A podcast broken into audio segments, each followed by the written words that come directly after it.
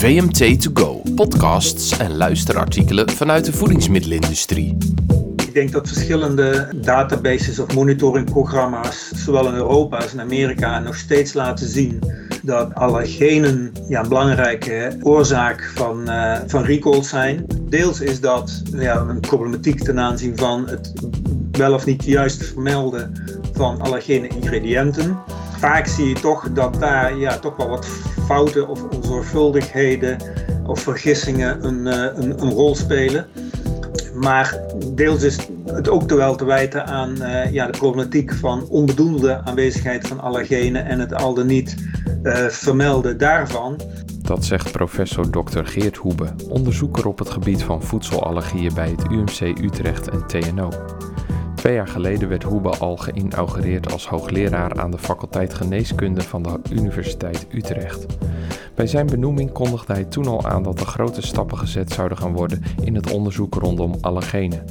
De resultaten en methodes die dat heeft opgeleverd leveren ook inzichten op voor productontwikkelaars en etiketteringsspecialisten. Daardoor is straks beter te voorspellen of er allergische reacties gaan optreden bij de inzet van bepaalde eiwitten. En ook zijn er grote stappen gezet op het gebied van may-contain labeling en het beheersen van recalls.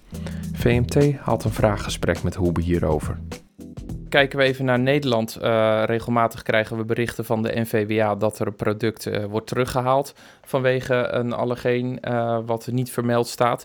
In Nederland werkt het toch redelijk duidelijk? Of is daar ook nog steeds onduidelijkheid tussen inderdaad de NVWA die bepaalde drempelwaarden hanteert en wat de industrie zelf hanteert? Nou, drempelwaarden liggen niet vast in de wetgeving. En daar zit, ligt, ligt eh, denk ik een stuk van het probleem. De regelgeving is heel duidelijk ten aanzien van allergene ingrediënten. Zitten die erin, dan moet je ze vermelden. Zitten ze er niet in, dan vermeld je ze niet als ingrediënt. Het probleem zit juist ten aanzien van de onbedoelde aanwezigheid door bijvoorbeeld kruis, kruisbesmetting. Um, en uh, ja, daar zijn geen wettelijke criteria van. Dus het is altijd een beetje ad hoc. Um, ja, of er een match is met hoe uh, een autoriteit daar tegenaan kijkt en, uh, en hoe het bedrijf het, uh, het heeft beoordeeld of inschat. Voedingsmiddelenbedrijven gebruiken vaak Vital als vrijwillige norm, maar de NVWA die hanteert toch de eigen waarde. Het klopt dat, dat veel bedrijven Vital gebruiken en Vital is in feite geïmplementeerd in, in, in Simply OK.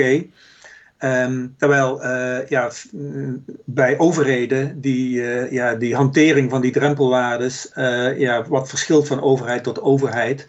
En um, inderdaad heeft de NVWA in het verleden een advies uitgebracht naar, naar de ministeries ten aanzien van, ja, van referentiewaardes die, die gehanteerd kunnen worden. En die, uh, ja, die zijn uh, um, ja, voor een deel lager dan, uh, dan de Vital 2.0 referentiewaarde. Dus die ja, ingestoken op een iets hoger veiligheidsniveau dan, dan waar Vital 2.0 op gebaseerd is. En dat geeft de industrie een hoop onduidelijkheid. Ja, dat is, uh, dat, is, uh, dat is lastig, dat is ongemakkelijk. En ook met name voor voedselallergiepatiënten is dat natuurlijk ongemakkelijk. Uh, want voor hun is dan onduidelijk wat, van wat de situatie is, wat de criteria zijn en waarom. Kan u daar een praktijkvoorbeeld van geven? Wat, wat, wat kan een allergiepatiënt daarin letterlijk ervaren door die verschillen? Door niet te weten wat een, een waarschuwing nu wel of niet, niet betekent. omdat ehm, als een product uit het buitenland komt kan het een vermelding uh, van kan sporen bevatten, betekenen dat die uh, ja, boven een bepaald niveau zijn. Terwijl als dat ja, vanuit Nederland een Nederlands bedrijf komt, is het voor dan de vraag van ja, is dat hetzelfde niveau of wordt dan hier een ander niveau mee bedoeld of is er überhaupt niet geredeneerd vanuit, vanuit niveaus en puur vanuit een, ja, er is een kans dat het aanwezig is, maar wat de hoeveelheid is, is, is onduidelijk. Dus voor voedselallergiepatiënten uh, is het eigenlijk niet mogelijk om te beoordelen wat, wat een waarschuwing betekent. Maar eigenlijk is het ook niet te beoordelen wat de afwezigheid van een waarschuwing betekent. Want dan nog steeds kunnen er allergenen aanwezig zitten. Want ze weten niet of, of ja, een beoordelingssysteem is gehanteerd. Allergene patiënten zijn dus enorm gebaat bij harmonisatie tussen die landen. Is het de verwachting dat dat er de komende jaren ook van gaat komen?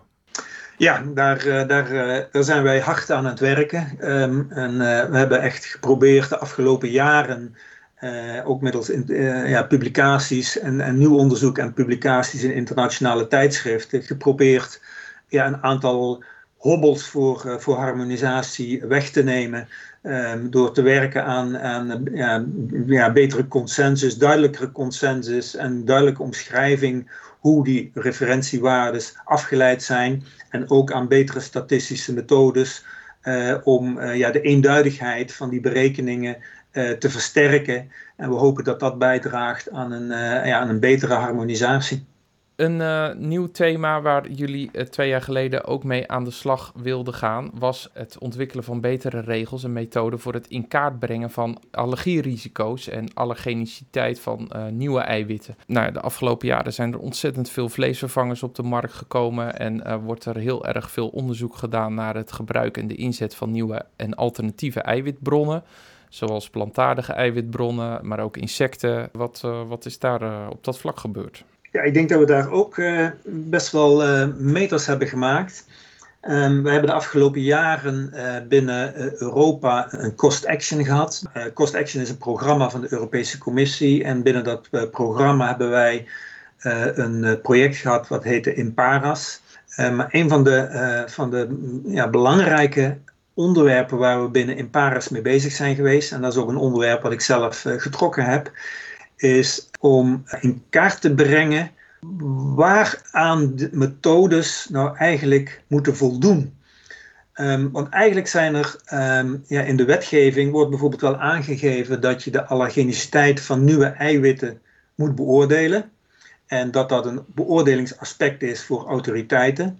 Maar er wordt eigenlijk niet bij vermeld van ja, maar wat wordt daar nou eigenlijk mee bedoeld? Hoe definieert men allergeniciteit? Welke informatie heb je nou eigenlijk nodig om die allergeniciteit te beoordelen? Daar zijn eigenlijk helemaal geen criteria of richtlijnen voor.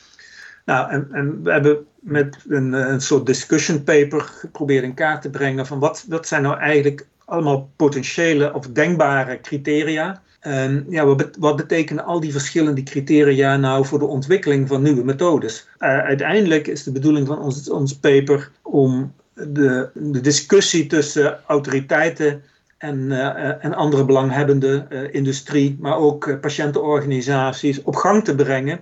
Van ja, hoe veilig moeten nieuwe voedingsmiddelen nou eigenlijk zijn? Of welk risico willen we nou eigenlijk voorkomen? Kun je enkele voorbeelden geven over wat voor criteria we het hebben? Nou, een mooi voorbeeld wat ik vaak hanteer is dat als er een nieuw voedingsmiddel op de markt gebracht kan worden, dat uh, ja, qua allergeniciteit dezelfde risico's met zich meebrengt als bijvoorbeeld koemelk of pinda, mm -hmm. dan is er natuurlijk goede reden om je af te vragen, ja, moeten we dat wel willen? Terwijl als een nieuw voedingsmiddel net zo allergeen zou zijn als aardappel, dan denk ik dat heel veel mensen zouden zeggen van nou, aardappel, er zijn best een paar mensen allergisch voor aardappel, maar dat is zo'n klein probleem, daar moeten we misschien niet moeilijk over doen. Nou, die discussie moet je eigenlijk met elkaar voeren als je het hebt over toelating en beoordeling van nieuwe voedingsmiddelen. En dan gaat het dus eigenlijk over de vraag welk risico accepteer je als uh, samenleving in je voeding? Ja, welk risico ben je bereid te accepteren? En als je daar met elkaar uh, de discussie over voert, dan kun je nog steeds zeggen, ja, er zijn verschillende opties die je daarin kunt kiezen. Maar dan kun je wel naar die verschillende opties kijken om te zeggen van ja, dit is gewoon niet haalbaar binnen de komende 20 jaar. Dus als we daarvoor kiezen, dan zullen we geen methode en geen criteria hebben. En andere methodes zijn misschien wel binnen één of twee jaar uh, of drie jaar haalbaar en, uh, en uh, consensus over te bereiken. En dat is misschien goed haalbaar. Ja. Alleen hoe simpeler de methodes, ja, hoe meer onzekerheden in de uiteindelijke risicobeoordeling. Dus daar moet je een balans zoeken. Ja, dus de criteria eigenlijk... moeten ook niet te streng zijn, want dan zou het betekenen dat we geen enkel nieuw duurzaam voedingsmiddel op de markt zouden kunnen brengen, omdat er altijd wel uh, iets is wat uh, een reactie in het lichaam uh, teweeg brengt. Ja, Um, duurzaamheid van nieuwe voedingsmiddelen zit hem vooral in nieuwe eiwitbronnen. Ja. Dat is het belangrijkste item voor de duurzaamheid. En niet allergene eiwithoudende voeding bestaat niet. Maar iets met dezelfde allergeniciteit als dus inderdaad pinda's of, of melkeiwit, dat zou dus al uh, best wel moeilijk liggen. Nee, dat zeg ik niet automatisch. Maar je moet wel ehm, ja, een soort benchmark hebben. Je moet, ja, je moet voor jezelf op een rijtje zetten ja, welk scala aan allergeniciteiten kennen we. Pinda is bijvoorbeeld al wat minder potent dan, dan, dan bijvoorbeeld melk of, of mosterd of, of ei qua vermogen om reacties teweeg te brengen.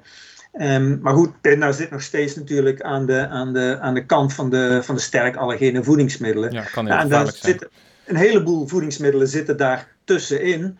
En um, ja, door dat assortiment als een, ja, als, een, als een schaal te hanteren van allergeniciteit op basis van voedingsmiddelen die we kennen, kun je nieuwe voedingsmiddelen proberen uh, te vergelijken met, uh, qua allergeniciteit met bestaande voedingsmiddelen. En op basis daarvan uh, ja, als maatschappij een keuze maken van ja, wat vinden we nou eigenlijk een verantwoord niveau van allergeniciteit op het moment dat je iets nieuws in de voedingsmarkt gaat brengen.